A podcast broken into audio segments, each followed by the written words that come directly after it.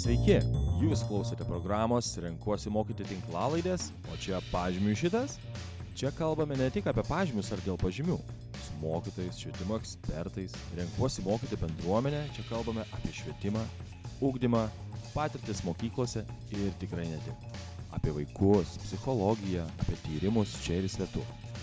Kviečiame pasinerti į švietimo pasaulį, kuris yra kur kas daugiau nei tik pažymiai.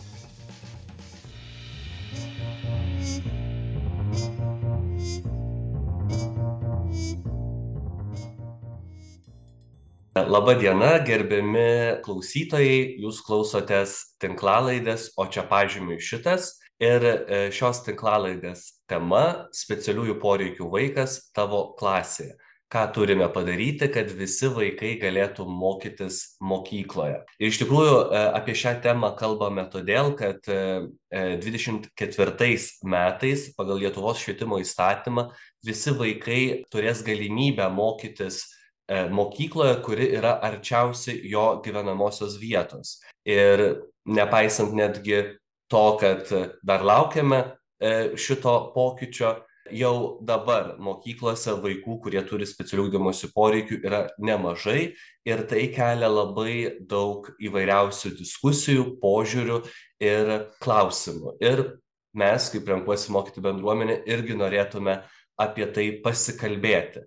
Ir E, labai džiaugiuosi, kad apie tai galėsiu pasikalbėti su dviem pašnekovėm. Noriu pasisveikinti su Julija, labas. Sveiki. Ir su Paulina, labas.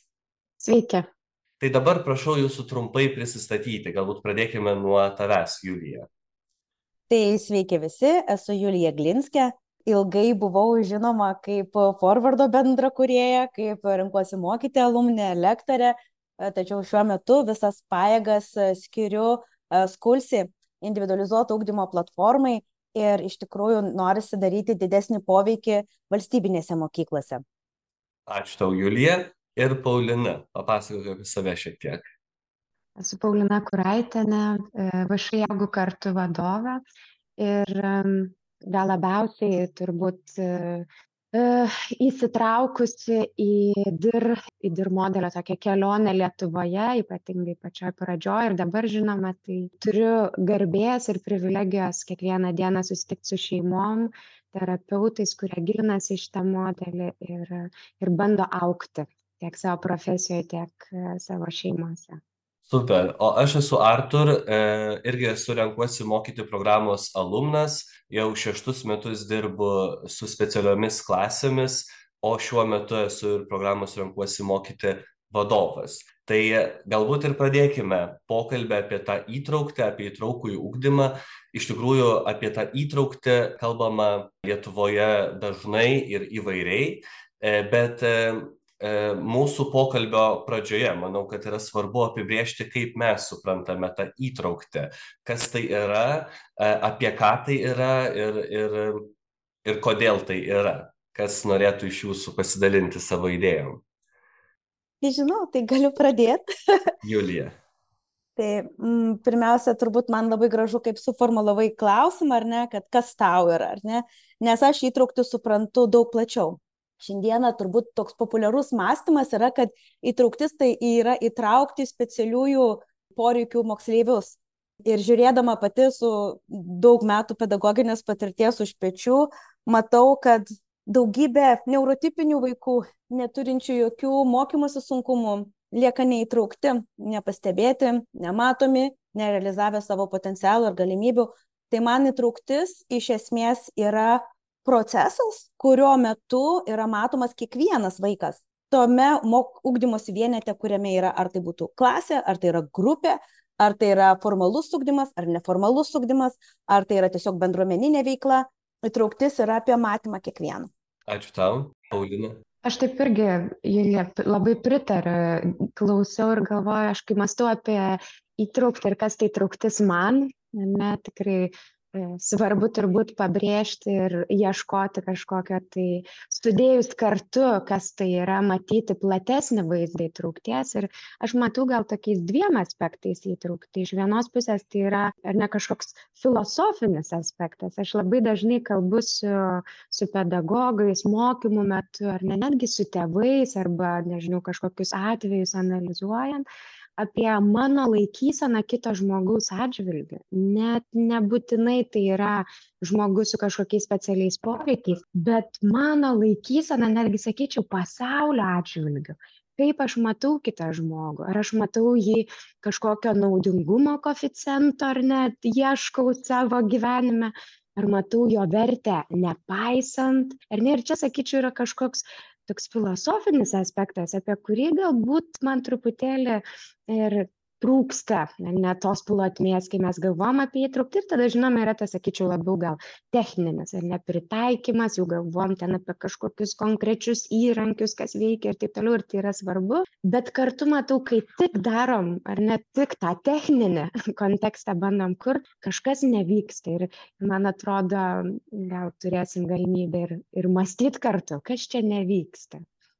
Mhm labai man rezonuoja jūsų atsakymai su renkuosi mokyti vizija ir tuo kaip mes aiškiname įtrauktį mūsų dalyviams ir bendrai kaip mes diskutuojame apie įtraukųjį ugdymą. Nes mūsų apibrėžimas skamba kad įtraukusis ugdymas tai yra ugdymas kiekvienam neprioritizuojant kažkokio kažkokios atskiros grupės. Ir kaip tą padaryti tai yra pirmiausia priimti įvairovę kaip normą ane tai čia yra tas filosofinis tikriausiai lygmuo ane suprasti kokia yra kito vertė ir kad jeigu jis yra kitoks ne aš irgi kažkam esu kitoks kad tame yra vertė tame yra potencialas viso ugdymosi proceso o kitas dalykas tada atrasti kokie barjerai trukdo vaikui patirti sėkmę ir ką mes kaip bendruomenė galime padaryti ane? Ir jeigu mes apverčiam šitą dalyką ir vat kaip paulina sako diskutuojam apie pritaikymus apie kažkokius techninius sprendimus kiek ten nusiraminimo kampelių reikia nereikia kur juos padaryti mes prarandam tą esminį tokį dalyką kad nu jeigu aš vis tiek mane erzina kitoks tai nors aš ir sukursiu nuostabiausią fizinę aplinką jis mane vis tiek erzins ir vis tiek ne jis nebus tas su kuriuo aš noriu kurti ryšį. Tai tai man atrodo kad tai yra toks kertinis momentas nuo kurio reikėtų ir pradėti kalbėti apie įtrauktį nors e, taip aš jau ne kartą užsimenu kad girdime įvairiausių nuomonių. Ir jūs e, ir julija ir paulina turite patirties darbo su mokytojais su mokyklom ką jūs girdite ane kai kai jūs ateinate su su mintimi apie įtrauktį kokią reakciją jūs gaunate ar tai yra baimė ar tai yra pyktis kas tai yra? Galbūt šį kartą nuo paulinos pradėkime. Aš iš tikrųjų susiduriu su nuvargusiu žmogum ir matau ir susitinku tokią pavargusio žmogaus pasaulėjautą mokyklose ir tada gaunas pradedu matyti labai logiškai tam tikrą pasipriešinimas ane yra labai logiškas kai aš neturiu resursų aplinkos lūkesčiui ką mes darom priešinamės. Ir netgi mąstant apie tarpasmeninę neurobiologiją ar ne apie apie ką mūsų smegenys ką mūsų nervų sistema daro kai mes realiai susitinkam kažko ko nepažįstu mes dažniausiai jeigu neturim resurso žingeidžiai į tai pažvelgt o tam reikia jėgų nes turim mokytis ar ne? Ir jeigu neturim resurso mokytis esam pavargę mūsų nervų sistema į tai reaguoja kaip į grėsmę. Ir tuomet mes pradedam priešintis ir visais būdais bandyti vengti to. Ir iš esmės įtrauktis reikalauja santykio santykis irgi įmanomas tik tada kai turim tam resursą. Nes santykis yra neįmanomas kai išgyvenam grėsmę arba išgyvenam ir ne nesuprantu kas čia vyksta ir noriu tai atmesti. Tai yra ne santykio kontekstas. Ir ir aš taip kai mąstau kai susitinku žmones kai girdžiu ar ne tam tikrus komentarus aš už to girdžiu didžiulį nuovargį ir poreikį ne kažkokio rūpesčio galbūt net ir matau kad įtraukties pradžia yra mąstymas ar ne apie šituos procesus mokyklų bendruomenėje nes tai iš tikrųjų įgalina atsiverti labai daug resursų reikalaujančiam procesui kaip Julija sakė. Iš karto turiu tau, Paulina, tokį e, klausimą. Ar tu manai, ar, ar tu tiki, kad tas santykis, apie kurį kalbė, yra įmanomas valstybinėje bendro ūkdymo mokykloje? Ar tai yra įmanoma? Visiškai tikiu, kad tai įmanoma. Aš tai matau. Aš matau žmonės, kurie galbūt kaip čia pasakyti, ar ne, aš matau žmonės, kurie labai prisėmė atsakomybę už savo asmeninį resursą ir jį neša ne, į tą kasdienybę. Ir kartu matau, kaip tai nėra lengva ir savaime suprantama, kaip tai yra e, tik tie žmonės, kurie aplink save turi stipres bendruomenės arba kažkokias ar ne tokias socialinės sistemas, kurios maitina. Tai nėra savaime suprantama, kad oi taip visiem pavyksta. Tai tikrai nėra šiuo metu tai nėra organiškas procesas valstybinėse įstaigose bet kartu matau kad įmanomas nes yra atvejų kai sutinku tokius žmones ar ne kurie vis tiek kuria santykį su vaikais. Ir galiausiai įdomus dalykas vyksta tame kad santykis visada maitina ir jį kuriantįjį nes santykis visada maitina ir tą kuris santykį inicijuoja ir gaunas tokie gražūs mainai, bet tam, kad įžengtume į juos, tam reikia pradinio resurso, kuris šiuo metu yra be galo retas. Ir klausimas, kodėl, manau, kompleksiškas atsakymas. Super, ačiū. Paulina, dar galbūt vėliau šiek tiek e, norėsiu paklausti būtent apie tuos pavyzdžius, teigiamus pavyzdžius, kuriuos Gerai. tu e, matei ir matai, tai, bet ta, šiek, tiek, šiek tiek po to. E, E, Julija, su kokiais tu požiūriais į įtraukti, įtraukų į ūkdymą e, susiduri bendraudama su švietimo bendruomenė, o galbūt, e, kiek žinau, tu turi progų daug bendrauti ir ne, ne, ne tik tai su švietimo bendruomenė. Ką kiti galvoja apie įtraukti?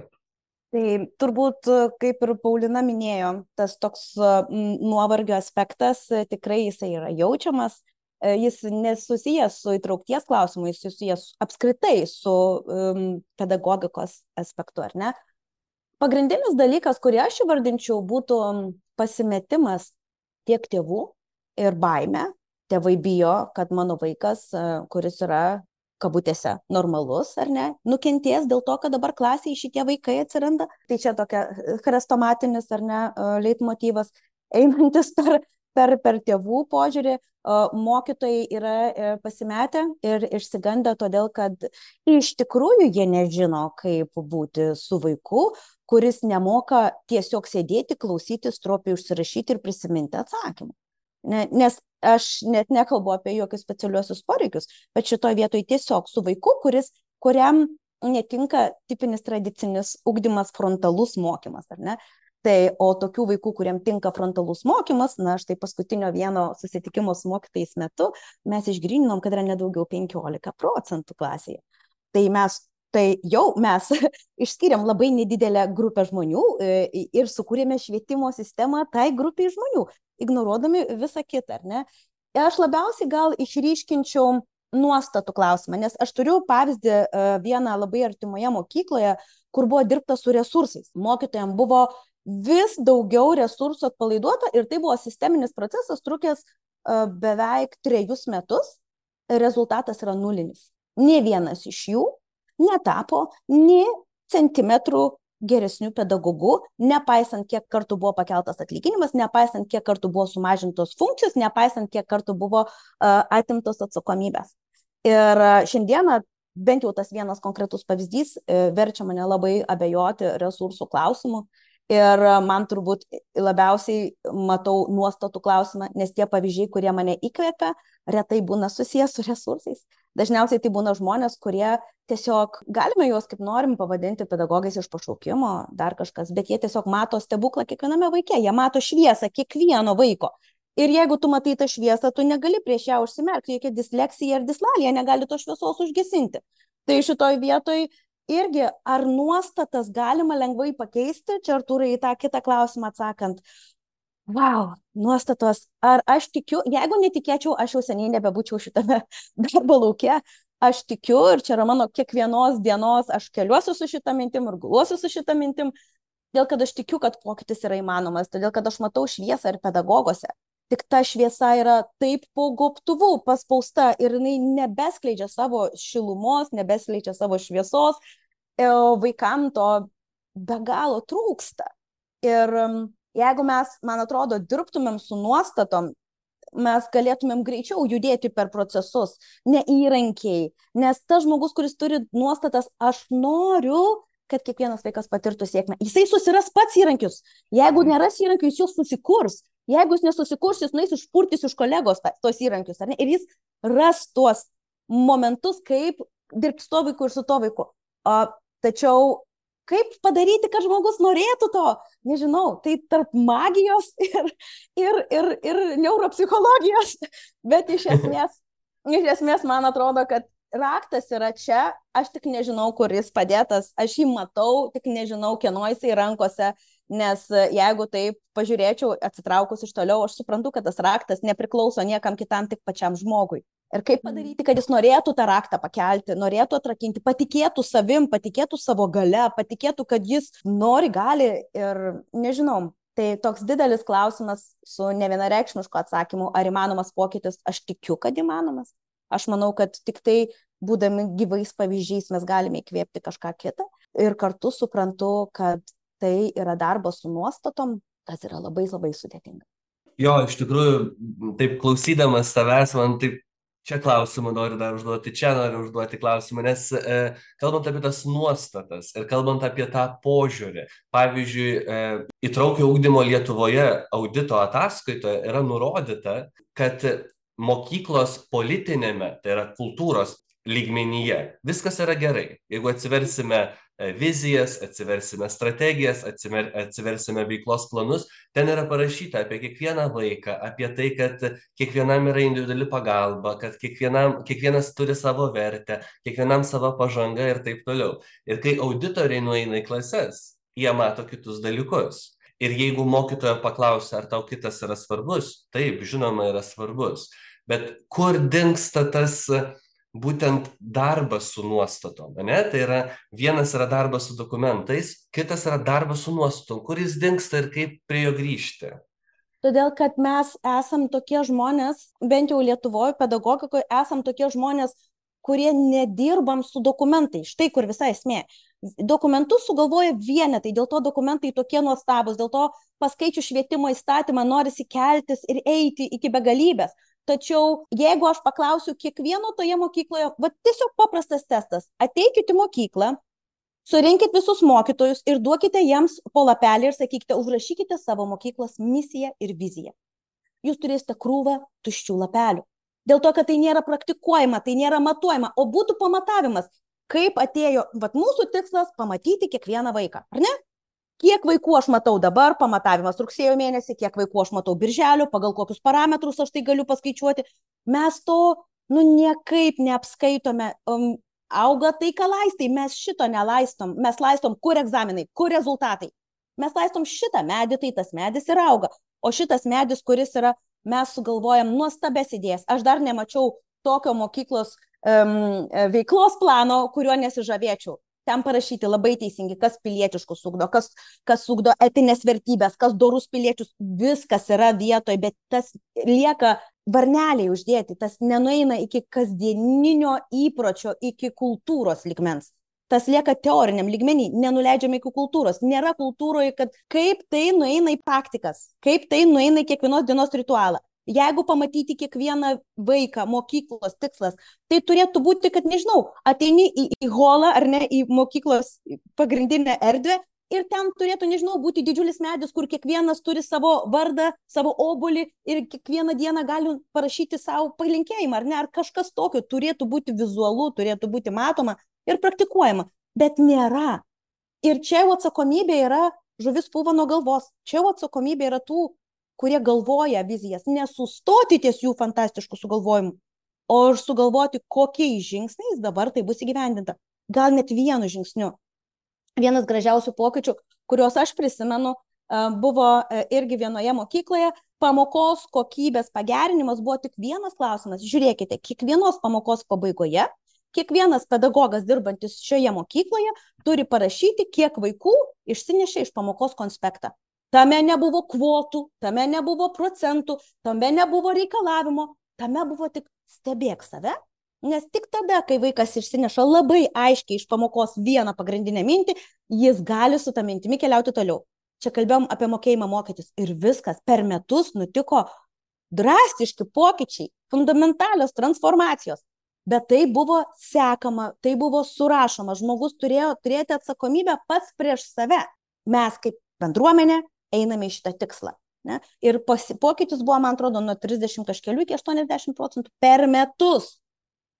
Įspūdingai. Iš tikrųjų, tu paminėjai žodį bendruomenė. Kai kalbam apie įtraukųjų ūkdymą, tai yra kalba ne mo, apie mokyklą ne kaip apie instituciją, ne, o kaip apie bendruomenę. Ir tikriausiai mes sutiksime, kad mokykloje yra resursų, yra protingų žmonių, yra idėjinių žmonių, yra irgi laiko tam tikras resursas. Ir svarbiausia, į ką mes orientuojame tą resursą, ne? į ką mes savo energiją, dėl ko mes grįžtame namo pavargę, ne?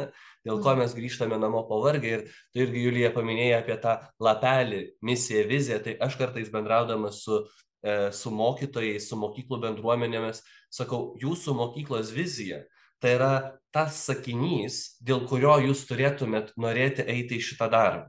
Jeigu jūs svajojate, kad visi E, mokiniai šitoj mokykloj šimtukais išlaikytų matematikos egzaminą, jūs turite tą skelbti visur ir visada. Tėvams pirmoji klasiai, per susirinkimus, merui, seniūnui, visiems, kurie aplinkui, kad jums bus svarbiausia, kad visi vaikai išlaikytų egzaminą matematikos, nesvarbu kokį. Ir tada taip eis į darbą ir matematikos mokytojas, ir lietuvių kalbos mokytojas, ir direktorius, ir valytoja, ir visi.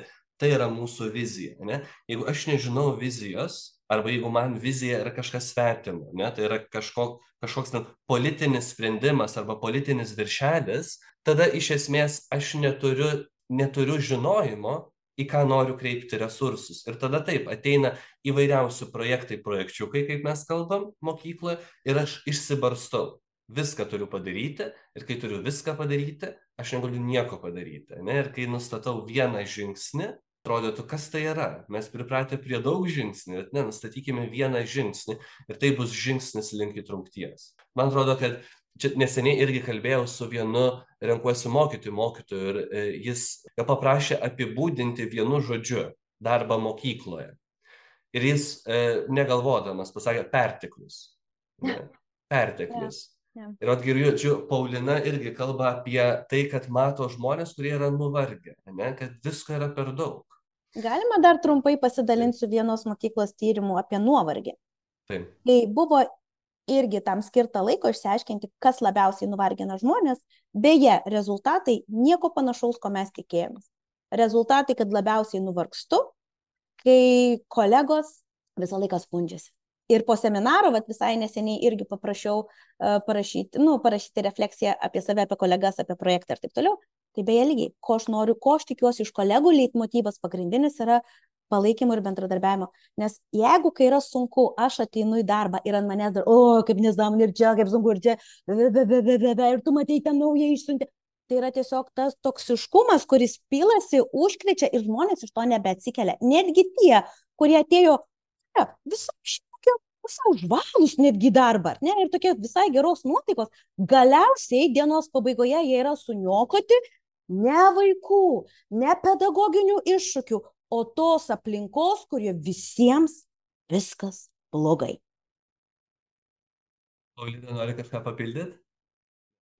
Bet aš noriu tau užduoti dabar klausimą, e, nes tu kalbėjai apie vertybių svarbą ir manau, kad e, e, kiek domėjausi tavo darbu ir terapija, terapijos principu, ten irgi yra labai daug tokio vertybinio požiūrio ir vertybinės prieigos. Man visada kyla klausimas, kai aš e, šiaip aktyviai stengiuosi dalyvauti diskusijoje apie įtraukti įtraukųjų ūkdymą ir esu visom keturiom už, bet tuo pačiu visada turiu tokį kaip ir kritinį klausimą savo, kas yra nepasiruošęs. Ar mes labiau kalbam apie tai, kad mokykla yra nepasiruošusi, ar mes kalbam visgi, kad visuomenė vis dar e, nėra pasiruošusi įtraukčiai. Tai yra visuom, iš visuomenės ateina pasipriešinimas, argi, ar visgi mokykla yra e, per lieta ar sustabarėjusi, galbūt čia per neigiamai kalbu apie mokyklą, bet klausimą manau, kad e, pagaunat. Kur yra tas stabdys? galvoju natūralu kad mokykla yra sistema ir tai yra atspindys ją kuriančių žmonių kurie yra visuomenė. Mes tai yra vienas su kitu susiję ar ne e, tokie konceptai ir ir iš kitos pusės aš vat nuolat turiu privilegiją padalyvaut kokiuose tėvų susirinkimuose kai yra noras ir ne nežinau yra tarkim keli vaikai su specialiaisiais poreikiais ir ir tėvai iškelia klausimą ar ne kad čia mum trukdo šitie vaikai e, trukdo mums mokytis mūsų vaikam ir visi rezultatai prastėja ir ir taip toliau. Ir aš nuolat dėl to kalbu apie vidinį resursą ne julija taip gražiai iš tikrųjų atskyrei ar ne kad yra tie išoriniai resursai ir matom kad jie nieko nekeičia. Vidinis resursas vidinė motyvacija dėl to mes turim suvokti kodėl įtrauktis man asmeniškai yra naudinga net jeigu aš neturiu vaiko su specialiaisiais ugdymosi poreikiais. Ir pradedam matyti daug aspektų kurie yra naudingi mums visiem ar ne? Ir tarkim e, mes dirbam ir su yra tokia programa The Circle of Courage irgi, ar ne, yra į mokyklas nešamas įrankis. Ir yra nuostabu matyti, kaip, kaip mokytojai, pedagogai ir tėvai įtraukiami tą procesą, kai pradeda atpažinti, kad visas elgesys turi priežastį. Ne, ir aš nuolat kalbu su visais apie tai, elgesys visada logiškas, net jeigu atrodo labiausiai nelogiškas elgesys visam pasaulyje, bet tai yra kažkur yra logika. Ir kai mes pradedam ieškoti tos logikos pamatom kad tai yra pamatiniai poreikiai kuriuos mes visi turim. Ir jeigu aš tą poreikį pradedu atpažinti vaike su trapiausia nervų sistema jis many pradeda lavinti tokį įdėmų žvilgsnį, kurio aš gyvenime nebūčiau gavęs, jeigu ne šitas vaikas, kuris iškėlė šitą situaciją ir staiga aš matau, tikrai jo elgesys toks logiškas. Ir aš dabar matau. Ir staiga mane perkeičia, pala. Tai ir šito vaiko elgesys yra logiškas, tik įdomu, kokia čia logika. Ir kai mes pradedam klausti tą klausimą, kodėl, ne, nustojam dorotis su tais paviršiais, ar ne, ta prasme, čia vyksta tai, valdykim šitą situaciją, bet kai pradedam matyti, kodėl, pamatom pamatinius poreikius kuriuos atpažįstam patys. Ir jeigu juos pradedam atpažinti pas vaikus keičias visa bendruomenė. Bendruomenė būna palinkusi prie pamatinių poreikių kurie galiausiai aš pats labai daug gaunu, kai kiti mane atpažįsta tas pačius poreikius ir į mane reaguoja šitų būdų. Ir staiga matau, kad įtrauktis, vaikai su trapiausia nervų sistema, staiga yra galimybė. Nes mes žinom, ar ne, kad kiekviena problema arba lieka problema, arba tampa galimybė perkeisti viską ir net daug geresnė linkme, negu kada nors būčiau susvajojęs be šito iššūkio. Ir tos bendruomenės, tėvų bendruomenės, klasės, ar ne, jeigu priima šitą e, iššūkį kaip galimybę, aš matau, kad e, iš tikrųjų vyksta perkeitimas ir įtrauktis visada prasideda nuo to vieno vaiko kuris kelia daugiausiai klausimų, kur mažiausiai atsakymų turiu, kur daugiausiai manį sugeneruoja kažkokios prieš priešos. Ir tai nėra tai, ko aš turiu atsikratyti, o tai yra tai, kur aš turiu panert ir ten bus didžiausias profesinis lobis. Visada tą matau, kai, kai mokytojai įgalinami, kai jiems suteikiamos jėgos, jie pailsinami. Mes, pavyzdžiui, esam turėję tokią praktiką, kad e, kūno judesio terapijos sesija gauna mokytojai grupinę kūno judesio terapijos sesiją prieš seminarą. Jie visai kitaip išgirsta seminaro informaciją, jų nuostata, jie turi jie turi resursą, jie turi vidinio resurso, pradėt grumuluoti naują nuostatą ir netgi užčiuopti ilgesį jai nes mes kiekvienas ilgimės to požiūrio taško iš tikrųjų kurį kviečiame priimti žiūrint į vaikus e, kuriem reikalinga įtrauktis į kiekvieną vaiką žiūrint į kiekvieną vaiką žiūrint kaip į visiškai ar ne nuo nieko nepriklausančią vertybę. Mes iš tikrųjų kviečiam mokytojus į juos žiūrėti taip kaip mokytojai ilgisi kad į juos būtų žiūrima ne ir staiga mes pajutę tą ilgesį pradedam ir net po truputėlį jį nešti ir turim su, turėti vietų, turim iš tikrųjų sulaukti kvietimo irgi sakyčiau, ar ne, čia yra toks administracijos e, derinimo ir organizacinis jų reikalas, ar ne, kur mokytojai gali tai patirti. Ir ne tik tai informaciją gauti šitai kūno daliai, viršutinį kūno dalį, bet tarsi visas kūnas panirtų ir atgautų resursą, kuris ir yra nuostatų pokyčio pradžia. Na, wow, aš manau, kad tai yra wow, nes prisimenu save, kai pradėjau gilintis į specialiosios pedagogikos e, idėjas ir pagrindinius principus, aš kažkad, kažkaip taip gilinausi, gilinausi ir iš pradžių nesupratau, o po to tiesiog suvokiau, kad tie principai yra bendri visiems. Tai nėra kažkas specialaus, tai yra tiesiog apie poreikį. Ir kas yra svarbu, kad poreikis visada yra abipusis. Ta prasme, vaikas turi poreikį ir aš kaip mokytojas, aš kaip specialistas tam tikroje situacijoje turiu poreikį. Ir jeigu mano pamoka kažkoks mokinys ar kažkokie mokiniai sugadino, taip, mano poreikis yra kažkoks netlieptas. Aš irgi galiu jaustis blogai, ne? bet tas menas, pedagogo menas, ne, yra žinoti, kur jis turėtų fokusuotis į vaikų poreikius, o kokiose erdvėse arba kokiu laiku dirbti su savo poreikiais. Ne? Tai netgi su Julija, dabar prisimenu, kažkada kalbėjomgi su Julija apie vieną Julijos mokinį. Būtent tada priejome mesgi prie tos pačios išvados, kad tai, tai čia nėra kažkokia specifinė metodika, čia yra tiesiog, kad vaikas nori būti priimtas. A, ne? Tai toks svarbus atradimas, nors ir sudėtingas atradimas. Gal Julija nori papildyti kažką?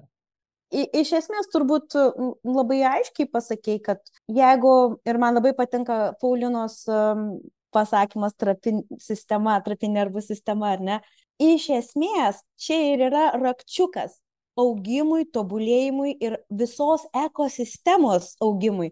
Jeigu aš tiesiog um, sakau, kad tie vaikai, kurie išsėdi, sakykime, vedu pamoką, taip, tai tie vaikai, kurie mane girdi, užsirašo, sėdi, klauso, konspektuoja, reflektuoja, ar ne, tai jie tiesiog turi aukštesnį tolerancijos lygį kažkam, kas nėra malonu ir nėra faina ir nėra, nėra tai, kas mokymosi džiaugsmas, ar ne? Tai ne apie džiaugsmą, tai apie kitus dalykus, apie, nežinau, atkaklumą, išbuvimą, ar ne? Nu, yra kiti dalykai, viskas gerai, ne vien džiaugsmą mes auginam klasės, ar ne? Tačiau kiekvieną kartą, kai aš turiu moksleivį, kuriam netinka tai, ką aš darau, man atsiveria langelis padaryti geriau kiekvienam vaikui. Ir čia turbūt, e, nežinau, Artūrai, ar su tavim kalbėjom apie tą pavyzdį, e, turėjau berniuką, kuris visą laiką jis grauždavo. Sugraužė man tušinukus, pieštukus, rankogalius, viską. Ir galiausiai su e, kolegė mes sakom, nu negi nėra nieko, kažkokių graužtukų suaugusiems dantims, nes aiškiai tie vaikiški ne, ne, nebus gerai, nes ten perkas ir viskas ten skyščiai išsibės. Vienu žodžiu. Taigi mes randam, kad pasirodo yra sukurta tokia priemonė. Specialus kramtukas suaugusiam dantim užsidėti ant tušinuko galo ir graužti. Kaip nusiraminimo ir išveikos būdas. Nerimo. Ir mes pripirkom jų ten daugiau ir tiesiog sudėjom į dėžutę, kad tai nebūtų specialiai tam vaikui, ar ne? Tiesiog padėjom klasiai. Beje, naujiena, štai tokia, šalia ten žiedų, ten e, masažinių ir apyrankių ir to ir to, štaiga atsirado naujas dalykas, būtent šitas kramtymas. Ir aš net neatsimenu, kažką nusisuku dar ant lentos, ten greitai rašau, kažką atsisuku ir mane tiesiog apstulbina vaizdas prieš mane, 12 moksleivių čia apsigrauždami tuos kramtukus. Ir aš suprantu, kad jie tai čia buvo galvojimas apie vieną vaiką bet visiškai neurotipiniai vaikai staiga atsipalaidavo per iškramtymo būdą. Ir jie galėjo visai kitokioj kokybėj dalyvauti užsiėmime visai kitokioj kokybėj reikšti savo mintis visai kokioj kitoj kokybėj su daug mažesniu pasipriešinimu eiti į sudėtingesnius mokymosi scenarijus kaip rašymas ar e, schemų braižymas. Tai jeigu tai yra aš ir džiaugsmas, kurį aš patyriau tada, malonumas, va ta auktis, Paulina, va apie tai, tai yra fiziškai išgyvenamas, au, nežinau, tas toksai tikrai pojūtis kompetencijos, pojūtis, kad aš atrakinau kažką, ar ne, bet čia yra tas vis šitomis scenarijuje, vis pasižiūriu irgi, bet kurį pavyzdį, kurį paimčiau, jisai eitų pagal tą patį algoritmą. Yra moksleivis, kuris patikė kažkokį iššūkį, aš randu sprendimą šitam konkrečiam vaikui ir per šitą atsirakina visos klasės dinamika. Jeigu randu vaiką, kuris negali sėdėti ir sakau jam, žiūrėk, nereikia trankyti suolų, nereikia daužyti knygų. Kai tu nori judėti, tu atsistoji ir eini, va šitaip, šitaip, šitaip ir pasivaikštai aštuoniukę tarp suolų ar apeini klasę ratu, darai tai tyliai, darai tai taip, kad netrai netrepsėtum kojom. Ar ok, parepetuojam, parepetuojam, puikiai sekasi, kai tau pasi, pajusi, kad nebenori sėdėti, daryk tai. Ir ne tau, o visiems. Ir staiga jaučiam, vienas vaikas atsistoja praeina, antras vaikas atsistoja praeina. Tai nebuvo vienam vaikui skirtas metodas, bet kai tai yra uh, metodas per vieną vaiką atrakina ir kitų vaikų poreikius, kurie gal pakentėtų, bet negi mes tikrai norim kančioje vaikus auginti, o ne per kančią lipti, o ne per optimalius sprendimus, ne per efektyvius būdus, išveikos, nežinau, nesuprantamos užduoties nerimas, nemoku atlikti to iki galo nerimas, baimė suklysti ir čia bendražmogiški dalykai, absoliučiai bendražmogiški dalykai. Paulina nori uh, pakomentuoti. Aš dar tik labai, taip, tarsi tęsiant Julija tavo mintį, ar ne, iš tikrųjų yra tie bendražmogiški poreikiai ir jie yra realūs. Pavyzdžiui, būti primtam, ar ne, mes nuolat su mokytojais kalbam, tokia paprasta technika, vadinasi 210. Tai reiškia, dvi minutės per dieną, 10 dienų iš eilės, mes su vaiku su kuriuo sunkiausiai įeiti socialinio ryšio diadą, kuris mažiausiai girdi, kai kažko prašom, kuriam sunkiausiai įsitraukti į klasės procesus. Būtent su tuo vaiku vienas ant vieno aš neku dvi minutės, net, net trumpiau, gali tik tiek ir užtenka, dešimt dienų išėlės, aš neku ne apie akademinius dalykus, o apie tai, ką jis mėgsta ar ne? Tada kita technika. Ar aš galėčiau vaiko gimtadienio proga padovanoti tai kas jam patiktų? Iš esmės tas kiekvieno vaiko pamatymas tiesiog pedagogas klausia savęs ar ne? Ar aš žinau kas patinka mano vaikam? Ar ne? Ar aš žinau tiktai jų tikslus ugdymo? Ar aš galėčiau jeigu man sakytų va imk tau ar ne? Nežinau pinigai nupirk jam rytoj gimtadienio dovaną. Sakyčiau lengviau nebūna nes pažįstu savo vaiką nes esu kalbėjęs su juo apie nežinau ten ir tai ir tai ir žinau, kad mėgsta futbolą ir taip toliau. Ir net tai reiškia, tai yra tie poreikio būti pamatytas, tai yra tikrai bendras žmogiškas poreikis. Ir tada mes turim vaikus su tikrai trapia nervų sistema. Aš nekreipiu dėmesio į diagnozes, dėl to, kad diagnozės atneša medicininį kontekstą ir iš tikrųjų tai labai trukdo pamatyti vaikus, nes mes turim dirbti socialinės paradigmos kontekste ir staiga atneša medicininės paradigmos žodyną, kalbam apie sutrikimus ir matom vaiką pilną sutrikimų ir būtent tai ir trukdo įeiti į santykio ar ne kokybišką santykį. Ir tada atsisakom tam tikrų diagnozių jeigu jos mūsų neįgalina ir pradedam galvoti tikrai apie trapumą. Kas vaikui padeda susikaupti kiek laiko jis susikaupia kaip jis reaguoja į šitas šviesas kurioj vietoj jam patogiausiai sėdėti kas jam kai jis juda ar ne kiek jis juda tarkim lietuvių pamokoj ir matematikoj lietuvių pamokoj daug daugiau juda iš tikrųjų jam ten daug daugiau resursų reikia. Tai gal darykim kas penkias minutes aš sakysiu nueik pas mokytoją zitą atnešk man iš jos ten jinai turi man krepšį. Ar ne ir parneš vaikas pilną knygų krepšį pasivaikšto pakvėpuoja reaguoja grįžta ar ne ir tai padeda jo pusiausvyrai nes jo per trapi nervų sistema ir čia jau mes turime nervų sistemos poreikius ir tai yra viena iš sričių kur aš matau kad jeigu pedagogai žino šitas vietas jie šiek tiek ramiau jaučiasi sutikę vaiko elgesį kur iš tikrųjų kartais sudėtinga pamatyti logiką ar ne kai mato tarkim vaikas klauso ir taip varto galvą ir išplečia akis išsižioja ir visaip suka galvą. Ir mokytojas gali sakyti nu ką jis čia dabar vaikas priešais mane aš bandau pamoką vesti jis man va trukdo šitaip vaipydamasis ar ne? O aš sakau šiaip tais akių išplėtimas ar ne taip smarkiai išsižioju veido raumenų judinimas ar ne vestibiulinės sistemos judinimas galvos sukimas visa tai padeda pusiausvyrai. Ką aš matau vaikas iš visų jėgų visu savo kūnu bando likti klausančiu nes jo nervų sistemai tai be galo sudėtinga ir staiga mes pamatom kitą vaiką neišsivaipo čia jis manipuliuoja ir visaip kaip neklauso specialiai. Ne bet aš pamatau vaiką kuris iš paskutiniųjų stengias dalyvaut mano pamokoj ir jam nėra lengva. Dėl nervų sistemos ypatumų kuriuos panašu kad mokytojai bent šiek tiek turėtų būt susipažinę nes tai tiesiog pakeičia nuostatą ar ne? Taip pat pakeičia suvokimą apie elgesio priežastį ir kartais padeda pradėt mąstyti ir ieškoti tų raktų teisingose ne pusės. Tinku, aš galvoju, kad ta, kad toks įdomus reiškinys, mes kai lygos atveju susidurėm su kažkokia diagnoze, tai jaučiam tokį poreikį suprasti to, to žmogaus poreikį, kaip tą, tą žmogų globoti, kaip jį slaugyti ir panašiai. Švietimo kontekste dažnai ta diagnozė truputį mane atpalaiduoja, ai, tai pas jį yra autizmo, reiškia, jis to, to, to negali, reiškia, negali kažko, ne?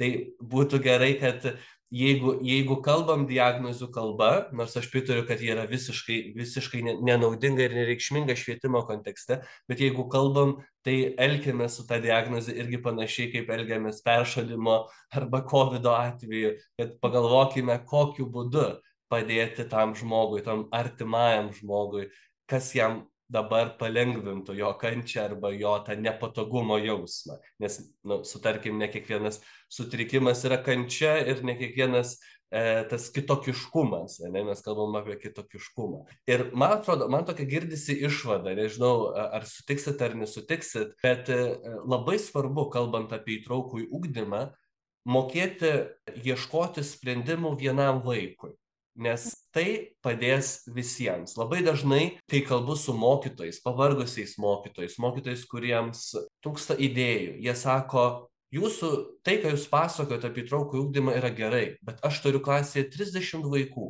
aš turiu 300 vaikų per savaitę, per mane praeina. Tai kaip aš dabar apie tos gimtadienius žinosiu, kad čia Paulina pasako, kaip aš čia jam pripirksiu tų graužtukų, kas po to tuos graužtukus plaus, ne, Julija, ir, ir tokių įvairiausių yra klausimų, bet tada, man atrodo, tai, ką mes turime savo leisti, pasakyti savo, o galbūt aš šiemet tik tai galvosiu apie vieną vaiką, nepamiršiu apie kitus, bet pasirinksiu vieną vaiką, ne, bet netgi tas dvi minutės, man patinka šitą idėją, pabandysiu šitą e, pritaikyti. Ačiū labai.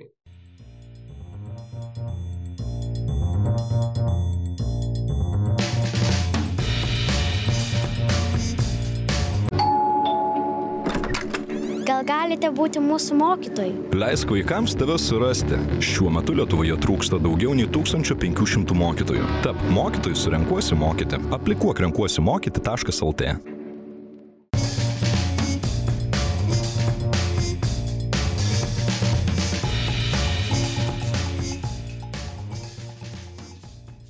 Primenu klausytojams, kad jūs klausote Renkuosi mokyti tinklalaidės, o čia pažymiu šitas ir aš, Artūras, kartu su Paulina ir Julija kalbame apie įtraukų į ūkdymą ir kaip mes, mokykla, klasė, visuomenė yra pasiruošusi šitam pokyčiui ir šitam reiškiniui. Kviečiu dabar pakalbėti apie tai, kas yra daroma tam, kad tas įtraukusis ūkdymas būtų įmanomas. Mes palietėm nemažai problemų, palietėm, man atrodo, labai svarbes priežastis ir šaknis, dėl ko kyla įtampų, bet e, tikriausiai visi trys sutiksime, kad e, yra daug idėjų, veiksmingų idėjų ir ne tik idėjų, bet ir praktikų. Tai apie jas ir pakalbėkim. Galbūt, e, Julija, pradėkime nuo tavęs. Galiu drąsiai pasakyti, kad tu esi švietimo inovatorė. Tu sukūrė sistemą ir ne vienas sukūrė sistemą Lietuvoje, kuri yra orientuota į vaiko individualų mokymasi, į jo pažangos stebėjimą, į jo gebėjimą mokytis ir, ir e, kelti savo ugdymosi tikslus. Ilgai tavo patirtis buvo orientuota į vieną mokyklą, privačią mokyklą.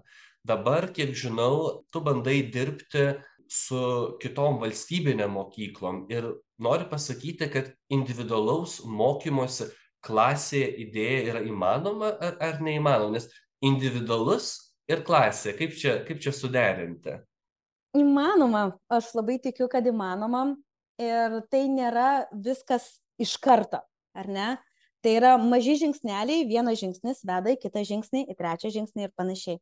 Tai jeigu pirmiausia, tai, ką, su kuo dirbu dabar, tai mes sukūrėme platformą individualizuotam ugdymui. Tai pirmiausia, kad mokytojui nebereikia kurti struktūros, jam jau yra duota struktūra, kurioje kiekvienas vaikas gali judėti savo tempu, gali pradėti nuo ten, kur jisai nemoka ir judėti tiek, kiek moka, peržengiamos tam tikrą prasme klasės ribos, ką tu turi dabar ir čia mokėti ribos. Ir tai atpalaiduoja labai daug resurso, nes jeigu mokytojas norėtų sukurti pats tokią sistemą, ar ne, tai jam reikėtų, na, iš esmės, tikrai e, pereiti į kitą lygmenį darbo su bendrosiomis ugdymo programomis, darbo su e, medžiagos paruošimu ir panašiai ir panašiai. Ne? Tai vienas dalykas yra, kur aš netikiu, kad pokytis gali ateiti tiesiog spraktelėjus pirštais arba pasakius padaryk. Ne? Nes čia yra, tam padaryk reikia daug daugiau žinių, gebėjimų, komandų, resursų, bendradarbiavimo ir panašiai. Ir pirmas žingsnis yra, kad kaip po truputį, po truputį su begaliniu palydėjimu, realiai, su seminarų ciklais, su konsultacijomis, su gyvais pamokų vedimais tose mokyklose, kai po truputį mokytojai pradeda naudoti įrankį. Staiga jie atsipalaiduoja, staiga pamato, aš negaliu suprasti, tie vaikai, kurie niekada nedirbo, jie dirba, kas čia atsitiko, ar ne? Arba irgi vat, buvau um, praėjusią savaitę vienoje valstybinėje mokykloje ir berniukas spėju, kad greičiausiai turintis kažkokių uh, ugdymosi poreikių, nes jis pradėjo dirbti, aš sakau, šaunuolis labai gerai, tai tu čia taip, taip, taip, mes susitikrinam ir jis pradeda mokyti, sako, gal jis nerašys, gal jis žodžiu, sakau, kaip tai nerašys, jis puikiai rašo, pažiūrėkit, aš kad rašys, rašysi. Ir jisai taip, rašysiu. Ir jis pradeda rašyti. Ir po to jis penkis kartus priejo pasakyti man ačiū. Iš pradžių nuo durų du kartus, po to koridoriui pamatęs, ar ne? Tai tokie maži momentai, kažkoks vaikas bandelę atnešė, jie pirmą kartą gyvenime mane mato, ne? bet vien tai, kad tai atsiranda galimybė kiekvienam būti ten, kur jis yra be gėdos, be kalties, staiga atveria visiškai kitą perspektyvą pačiam pedagogui pajusti vaikus, nes pedagogas jisai nori gero ryšio su moksleiviais, bet jis yra įėjęs į tokį cerberio rolę, ne? Mano darbas yra suvaldyti, sukontroliuoti, ei, ar žinai, vienas kitos mm, vardininko taisyklė, jeigu ne, ką čia naudininkė? Wow, iš kur čia pareina, ar ne? Apie ką čia, ką tu įtampos, ar ne? Ir staiga tas vaikas dirba, tas vaikas dirba, tas vaikas dirba ir atsipalaiduoja suaugęs žmogus, ar ne?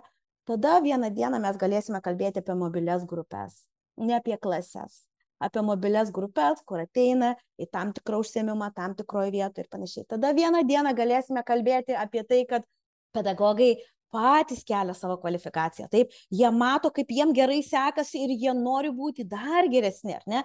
Tai aš tai matau kaip labai ilgalaikį procesą, aš nesitikiu stebuklo per naktį, tai yra planas ateinančiam 20 metų bet kažkas turi kažką daryti su tuo. Ne? Nu, tiesiog suprantu, kad šiandien dažnai atrodo, kad viskas kaip į tuščią kibirą, daug pasipriešinimo, daug nepasitenkinimo, viskas yra blogai. Bet tame blogume jau užsidega viena lemputė, užsidega kita lemputė, užsidega trečia lemputė, jau šita mokykla sako, o, oh, kaip nerealu, nieko panašaus nesu patyrusi su klase. Tai aš renkuosi žiūrėti į tas lemputes, kurios užsidega, aš renkuosi žiūrėti į tuos, kuriems sekasi, tradicinėse mokyklose, bet tai jau yra irgi tam tikra prasme, um, norėčiau irgi, Paulina sakė, kad tai yra bendruomenės labai didelis klausimas. Tai, tai, tai yra. Tada jie turi palaikymą iš administracijos, tada jie turi uh, grupės jau uh, kolegų, kurie dirba tuo pačiu metodu. Jie gali vienas kitą, nežinodami, kur koks mygtukas gali nueiti pas kolegą, nepasiskūsti, nepasakyti, kaip čia viskas blogai, sakyti, ei, kur ten tas mygtukas? Ir tada kolega padeda kolegai o kai duodi, visada yra, visada yra labai gera, nes duoti yra gera, gauti irgi malonu, bet duoti yra iš vis. Nu, užkoduoti mes esam patirti malonumą šitam taške, ar ne? Ir mokytojai, įsivaizduokite, duoda, duoda, duoda ir niekas to nepaima, tai nieko keisto, kad jie galiausiai net nebenori eiti į klasę, net nebenori matyti moksleivių. Ne? Tai šitoj vietoj irgi, kad tai yra ilgalaikis procesas. Įrankiai Nesvarbu, skulsi, 5-10 e, metodas, DIR metodas, nesvarbu, kokius įrankius žmonės ims. Įrankiai yra pradžia, kuri truputį atpalaiduoja ir sako, iškvėpk, daryk tai ir bus geriau. Ir tai ateina kartu su tam tikra atsakomybės perkėlimu į kitą vietą nes mokytojai nebeturi jokio vidinio resurso net nežinau lašelio dydžio atsakomybei papildomai į jų atsakomybės taurę nes jinai yra perpildyta ne jų atsakomybė tokia atsakomybė kaip moksleivių rezultatai tėvų būti, tėvams būti patenkintais, niekam neužkliūti, gerai praeiti auditą, um, gerai praeiti atestacijas, kad niekas nesiskūstų. Čia viskas yra ne pedagogo atsakomybė. Pedagogo atsakomybė yra žinoti, kur mano stiprybės, kur mano iššūkiai, kaip aš judu nuo taško A į tašką B ir koks mano asmeninis pedagoginis braižas. O čia yra atsakomybė. Kodėl kiekvieną, aš kai, irgi, kai einu stebėti pamokų, Aš sakau, vieną aš klausimą atsinešu, tik vieną vienintelį. Kodėl? Jeigu tu į kiekvieną elementą klasėje gali pasakyti, kodėl, kas aš, kad aiškinčiau tau, kaip gyventi, kaip dirbti ir kaip vaikus ugdyti. Kodėl tu pamoką pradedi nuo atsistojimo? O, todėl, kad aš ugdau tą ir tą. O, okay, aš taip niekada gal nepradėčiau, bet man aišku, kad tu tai darai ne iš inercijos, o sąmoningą procesą ugdai aš noriu kad kraujas su cir cirkuliacija kraujo pagerėtų kad moksleiviai atsistotų. Mes darom beje atsistojam atsisėdam tris kartus ar ne? Darome mažytę tokiu būdu mankštą taip pasisveikinam ir taip pradedam pamoką. Vau okei. Kitas mokytojas gali sakyti o mes per rankas leidžiame kamuoliuką ir darome emocinį įsiregistravimą. Man labai svarbu pamokos pradžioje pamatyti kaip kiekvienas jaučiasi. Ir taip toliau ir taip toliau ir taip toliau. Tai šitoj vietoj iš esmės kiekvieną kartą žmonės kurie prisijungia prie švietimo pokyčių, kurie neša švietimo pokytį ar ne, jeigu jie sąmoningai pasako, ei, žiūrėk, atsakomybė yra mano pusėje, jie truputį, truputį palengvina tą atsakomybės, e, na, pilną, nusėmė samtelį nuo atsakomybės dubens. Ir turbūt vienas iš dalykų, ką jeigu galėčiau aš pakeisti, pakeiščiau, tai ir būtų tai, kad mokytojai sąmoningai suvoktų, kas yra jų atsakomybė, o kas nėra bet šiandien jiems atrodo tai kaip utopija.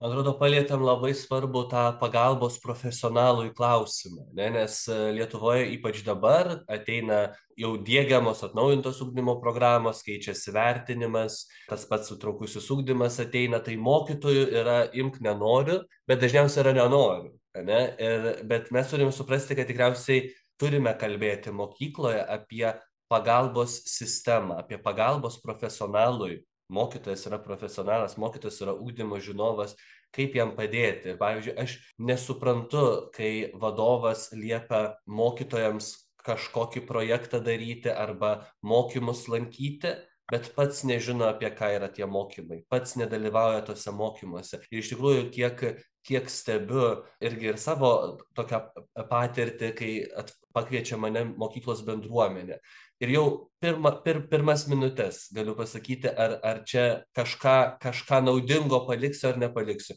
Jeigu yra vadovai kartu su mokytojais sutinka dirbti darbo grupelėse sutinka diskutuoti ir panašiai tai yra jau laimėjimas. Nes tai nėra pasakymas kad tavo yra atsakomybė sutvarkyti tą vaiką. Tavo yra atsakomybė patenkinti tą tėtį arba mamą ane? Ir tada kai tas mokytojas žino kad tai nėra vien jo reikalas nėra klaida nėra vien tiktai jo atsakomybė. Tada jis patiria sėkmę o kai patiria sėkmę jis gali kelti sau kitus tikslus. Pastarosiom dienom e, turėjau progą bendrauti su vienos londono mokyklos e, direktoriumi vadovu. Ir e, jų mokykloje kiekvienas mokytojas turi savo mentorių. Ir kiekvienas mokytojas yra stebimas mentoriaus kiekvieną savaitę. Ir gauna trumpą grįžtamąjį ryšį. Ką reikėtų patobulinti ir sako, ir kas, kas yra, kas ten nutinka. Ten, pavyzdžiui, ateina mokytoja, turinti 20 metų patirtį. Ir sako, žinot ką, šiemet gavau tokius penktokus, su kuriais nesusitvarkau. Ar tu galėtum man padėti, ar tu galėtum šį pusmetį būti mano mentorė arba mano mentorius? Ne, jis pasirenka pats žmogų, kuris gali, gali būti patirtimi jaunesnis, kuris gali būti vyresnis, nesvarbu. Bet jis ateina ir sako, nesako, o koks aš blogas mokytojas, o kokia ta penkta klasė yra bloga, ne? bet sako, aš, mokytojas, noriu suprasti, kaip reikia dirbti su šitais vaikais, su šitais penktokais. Man tai yra naujiena, kad aš ne, nežinau, kaip, kaip juos suvaldyti, kaip paskatinti jų pažangą ir taip toliau. Ir aš taip klausiau, ką pasakoja tas, tas vadovas galvoju, kada mes iki to prieisime, kad mokytojas nesiteisins, kad mokytojas neieškos kaltų ir taip pat, kad jis nebus kaltinamas, taip? Ir jis sakys, tai yra mano profesinio tobulėjimo dalis. Labai, tik beklausant tavęs, aš tą patį pasirašiusi, ne kur pati pradžia, sakyčiau, atrodo, padėkim vienas kitam leisti būti trapiem, galėti nežinoti, galėti daryti klaidas, kur aš neturiu dabar atstovėti kažkokio metodiškumo, ar ne? Galiu sakyti, aš žinau, nes saug tai yra saugumo fiziologija ar ne? Galėti daryti klaidą realiai mano kūnas tada išgyvena aš čia esu saugus. Kai mes esam saugūs tai mus įgalina kurti ir mokytis. Ir atrodo šitas procesas sistemoje turi užsikurti ir nuo tų visų ar ne reglamentų visokių auditų klasės balas ir taip toliau. Ten krenta klasės balas jeigu yra ten kažkokie ar ne vaikai kurie turi kažkokius ten ypatingus poreikius aš klausau ir galvoju pati sistema tiesiog naikina save pačią ar ne? Nes mes neleidžiam pedagogam būt trapiem ir tada ateinam į būseną kur sakom priimkit tą trapų vaiką. Iš esmės sistema sako tu negali būt trapus. Ir nėra čia vietoj vietos trapiems ar ne? Ir tada tas aš sakau labai dažnai na jeigu mes negalime būti silpni vadinasi iš tikrųjų nėra sistemos kurioje galėtume augti ir panašu kad įtraukties didžiulis kaip čia sakyt potencialas slypi gal taip viltingai norėtųsi kreipt didžiulis potencialas slypi sistemos sukūrime kur mokytojai gali būti tokie kokie yra ar ne? Ir žinau egzistuoja ir mokytojų ratai įvairiausios grupinės terapijos. Tai va tos tie atvejai kur mokytojam pavyksta administracija orientuota yra į leidimą nemokėti ar ne? Ir tai iš tikrųjų generuoja kūrybinę energiją tai generuoja norą bandyti dar ne? Ir generuoja sumažėjusį tą gynybiškumą ar ne? O tai reiškia padidėjusį kūrybiškumą daugiau santykio daugiau jėgų kurti santykį. Ir panašu kad pirmas žingsnis yra ne va ta mentorystė kažkokia jinai labai labai logiškas aš sugalvojau antraštę šitam įrašui. Švietimo sistema bus silpna tol kol neleisime būti silpniems. Nes man atrodo tai yra labai svarbu. Ir norėčiau gal dar truputį papildyti, nes pati esu praėjusi tokį variantą, ar ne, kaip renkuosi mokyti e, mokytoje, aš ir turėjau ir mentorę, ir pati buvau mentorė. Taip? Ir vėl, e, man atrodo, kad pačios gražiausios idėjos, jos dušta kažkur ne toje vietoje. Ne? Nes aš labai gerai atsimenu, kai aš pradėjau eiti į, į klasę tiesiog mokytojos, tam, kad galėčiau iš jos pasimokyti. Ir kai pajutau, koks stresas jai yra vien dėl to, kad jos mentoriaujama mokytoja ateina jos klasę, aš nustojau ten eiti, nes man nesinorėjau skaudinti žmogaus. Nes jinai jinai tiesiog net fiziškai kūnu gali pajusti, kaip jai buvo baisu vien dėl to, kad aš atėjau, ar ne? Tai tam vien tas mentorystė, ar ne, tokie buvimo būdai, nes yra labai giliai mūsų pasaulyje žiūroje, kad kitas ateina tavęs vertinti, teisti, bausti, ar ne? Kadangi labai giliai šitie momentai, net tokios fantastiškos idėjos kaip mentorystė, jos dūšta į labai trapias šukes ir ant dar ant tų šukių pjaustosi visi, ar ne? Tai šitoj vietoj irgi, nežinau, man atrodo, kad labai svarbu e, judėti mažai žingsneliais, ne revoliucijom, o evoliucijom, ar ne? Pradėti nuo ten, kur esi. Suprasti, koks, vat, ir labai tai bus individualu vėl vienoj mokykloj tu gali pajudėt per vieną kampą kitoj mokykloj per visiškai kitą kampą. Vienoj mokykloj tu gali pajudėti per sąžinę ir vaiką kitoj vietoj gali pajudėti per žiūrėk tau bus mažiau darbo. Ne per praktiškumą ir visiškai tokius nu kasdienius procesus ar ne? Tau bus tau nebereikės ruoštis pamokom žmogus o nu gal pamėginsiu. O kitas žiūrėk čia kiekvienas vaikas turės galimybę atsiskleisti. Čia dabar tu neradai sprendimų pamėgink čia pažiūrėk kaip veikia. A okei okei Tai, tai kad tai yra irgi, nežinau, turint daug visokių momentų, kurie jau yra praktiškai praeiti, ar ne, bet koks stebuklingas būdas, kuris yra atneštas per prievartą, neduoda jokio rezultato, net jeigu tai yra puikus metodas. Bet pas mes turim tą top-down vadinamą approach, ar ne? Mes turime tai, kad vadovai šiaip, kai kiek bendrauju su vadovais, tai yra paprastai labai geri vizionieriai, jie toli mato, bet jie visą laiką daužo galvą į sieną, negebėdami apjungti savo komandos, kad jos komandos eitų kartu su jais. Ir čia yra vienas iš momentų, nes jie nori, kad visi eitų kartu su jais. Bet e, procesas iš mano, iš mano pačios e, pirmosios mokyklos, renkuosi mokyti mokyklos ar ne, e, valstybinės mokyklos buvo tai, kad tiesiog labai buvo keli momentai, kur aš sakiau, žiūrėkit, nevelkite tai visų, aš padarysiu tyrimą, pristatysiu rezultatus, o tada mes kaip bendruomenė pagalvosim, verta eiti mums šitą kryptimį ar neverta. Ne? Tai šitoje vietoje irgi prisijungia vienas žmogus, prisijungia kitas žmogus, prisijungia trečias žmogus, prisijungia kiek ir po dviejų metų jau į mokyklą važiavo autobusai žmonės iš kitų Lietuvos vietų pasižiūrėti atvirai vedamų pamokų. Tai tos transformacijos jos tikrai gali nutikti, bet jos nėra iš viršaus, jos yra iš kažkaip labai subtiliai, iš apačios. Ir aš niekada neužmiršiu, kiek aš palaikymo turėjau už savo tuometinės vadovės. Jis kiekviename žingsnėje davė man žalę šviesą, kiekviename žingsnėje sakydavo, viskas gerai, tu ir taip daug darai, judėk tolin, numirėk mažiau, ne? Ir tai buvo žingsnelis po žingsnelio. Ir čia vat yra, kur nepripažinti mentoriai, ne, kurie, jinai niekada nebuvo mano mentorė, mano vadovė, bet jinai iš tikrųjų buvo tikroji mentorė, nes jinai ateidavo į mano užsiemimus, aš sakydavau, nerandu laiko ten refleksijai, jinai ateina, sako, hm, pastebėjau, jo, tu čia taip, taip, taip, pamėgink tokį metodą, aš pamėginu tokį metodą, o, veikia, po trijų savaičių man to metodo nebereikia, nes susiformavo kažkas viduje, vidinis laikrodis, kuris automatiškai palieka laiko refleksiją, ar ne, tarkim. Čia va konkretus pavyzdys.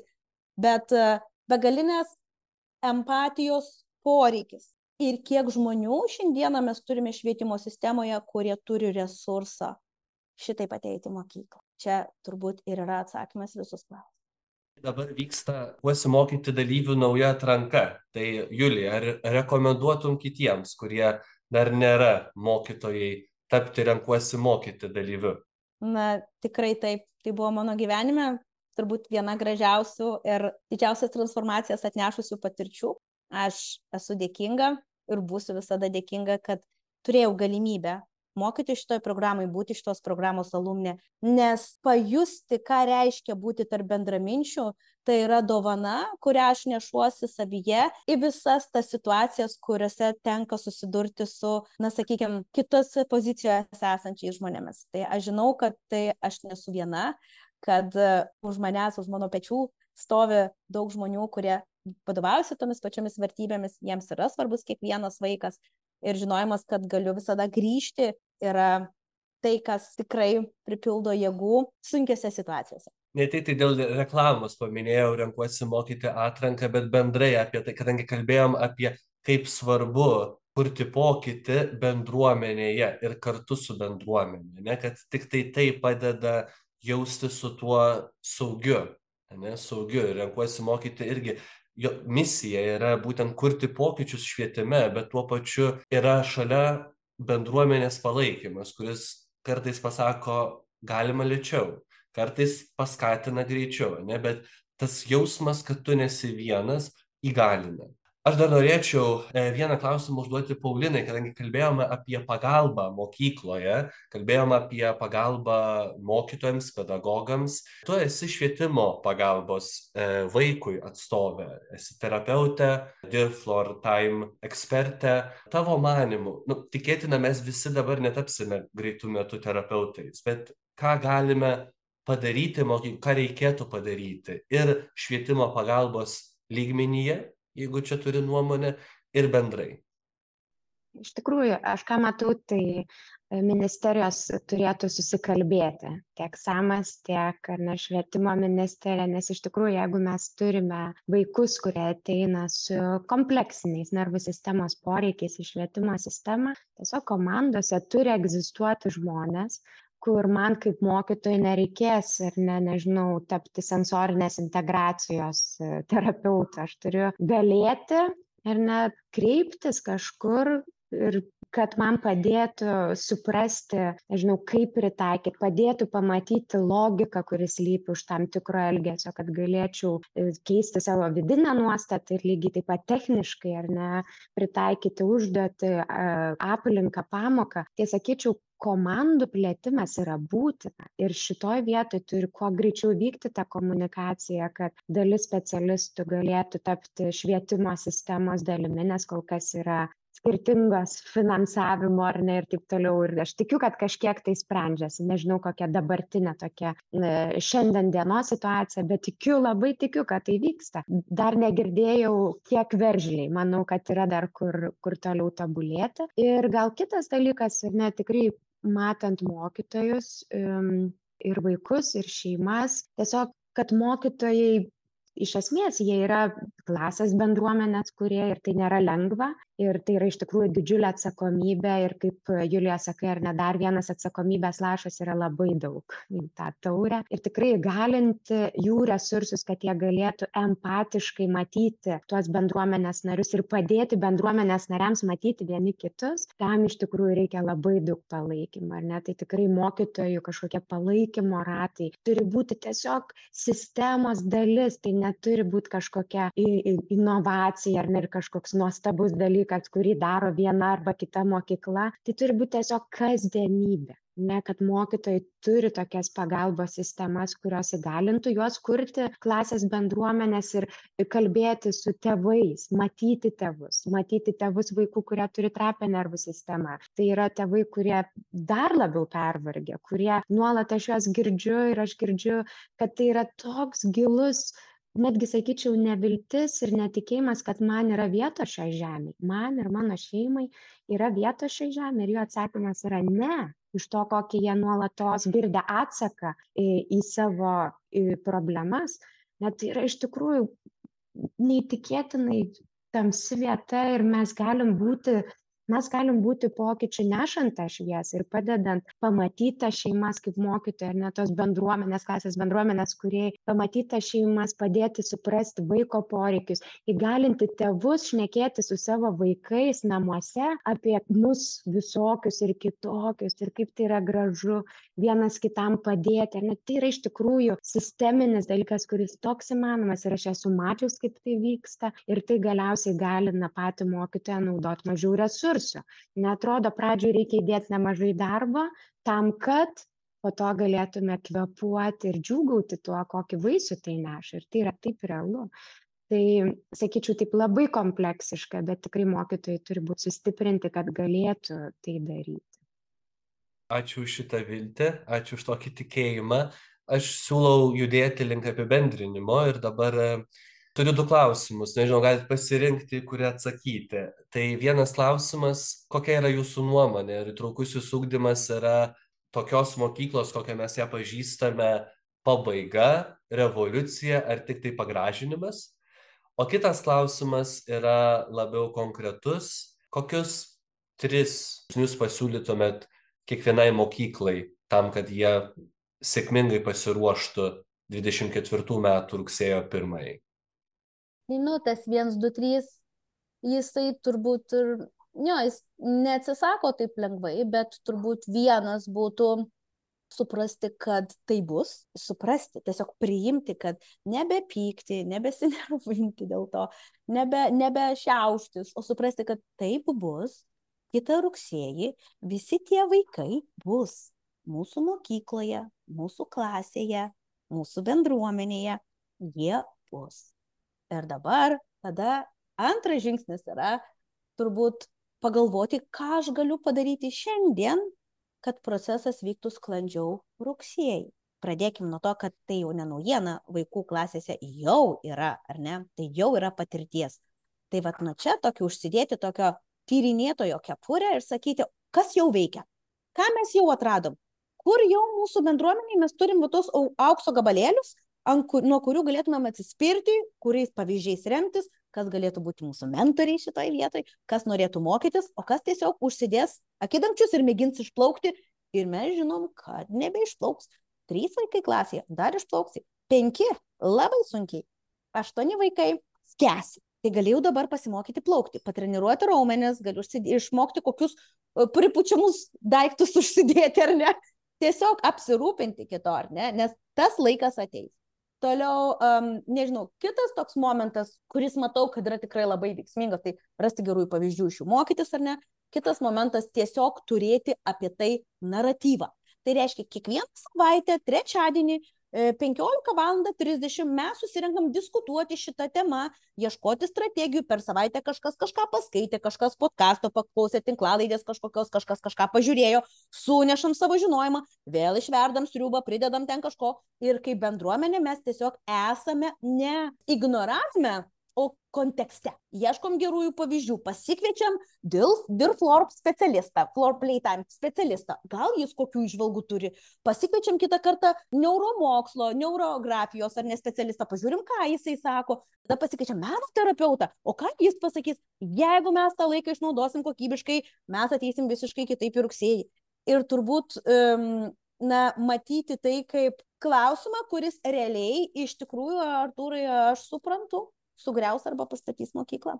Ir suprasti, kad kiekviena mokykla šiandien savo laiku, savo resursais ir savo intencija balsuoja, ar jinai dar stovės po dar metų, ar jinai iš vis dar bus. Ar tiesiog mokytojai trenks durim visi atsistatydins išeis iš darbo.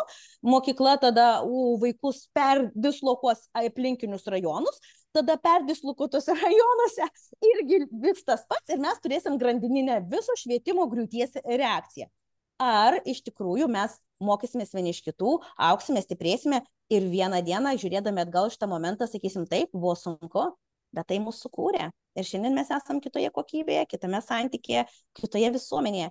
Mes mokykloje ne vaikus mokome, mes ateitį kūrėme. Toje ateityje ta ateitis mums pensiją mokės. Tai Taip. ką šiandieną kūrėme, tą turėsime. Ir kokį pedagogai gauna atlyginimą, tai tik parodo prieš tai buvusios pedagogų kartos rezultatą. Nes tie žmonės nueina į Seimą, tie žmonės nueina į vyriausybę, tie žmonės nueina į sprendimų prieimėjus, kokias patirtis jie išsineša, tokius ir įstatymus jie kuria. Tai čia yra pedagogo prestižas.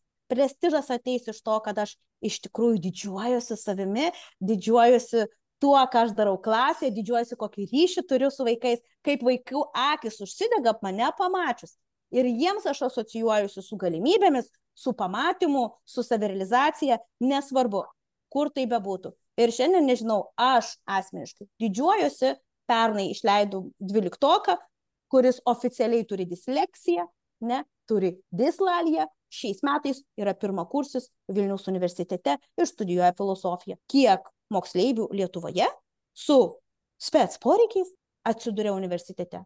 Spets poreikiai neapsprendžia žmogaus galimybių jie tiesiog pasako tašką, kuriame mes galime padėti žmogui įveikti kliūtį ir realizuoti savo potencialą. Ir visiškai nesvarbu, ar tas potencialas yra ilgai gebėti išbūti monotoniškame procese, ar tas potencialas yra gebėti kurti chaose naujas struktūras. Tai kas bus, šiandieną kiekvienas balsuoja savo laiku ir energiją skirtą šitam klausimui. Aš laikau sukryžiavus pirštus, kad būtų, kad būtų. Bet esu rami, kad ir kaip bus, bus taip, kaip turi būti. Net jeigu viskas grius, iš to gims kažkas naujo. Jeigu viskas evoliucionuos, tai evoliucionuos į gerą. Tai aš kažkaip taip sakyčiau, šitoje vietoje sunku jau gyvenime spėti, ko reikia ir kas turi nutikti, bet tikiu, kad jeigu liksim, nežinau, integralūs, jeigu liksim kiekvienas savo vertybinėje šį, viskas bus gerai viskas bus gerai. Jo, man atrodo svarbu turėti pamatą po kojom ir iš esmės turėti savo viziją, tikėti tą viziją. Ir e, iš tikrųjų nežinom, ar tai sugriaus mokyklą, nesugriaus mokyklą, bet tikriausiai pavojingiausia yra vaidinti. Ne, vaidinti tikrovę, kurios nėra.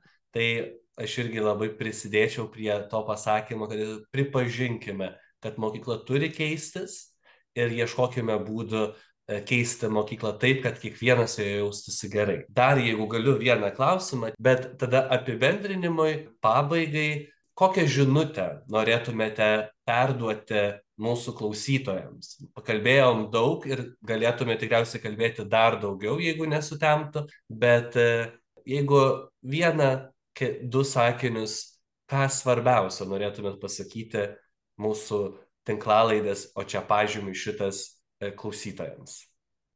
Aš gal labai trumpai yra Stuart Schenker ir jo visas darbas apie savireguliaciją ir mūsų nervo sistemos pusiausvyrą ir vaikų matymą ir jis nuolat užduoda tą patį klausimą. Ar tai, kaip matome vaiką, padaro jį kitų vaikų? Vienareikšmiškai visada atsakymas yra taip. Jeigu aš matau vaiką, kuris manipuliuoja, aš nematysiu jam vietos savo klasėje. Jeigu aš matau vaiką, kuris savo elgesiu šaukėsi pagalbos, aš turėsiu, aš norėsiu jam duoti tą pagalbą, ar ne? Ir tuomet kitas momentas yra tiesiog mąstyti apie asmeninį resursą, ar ne?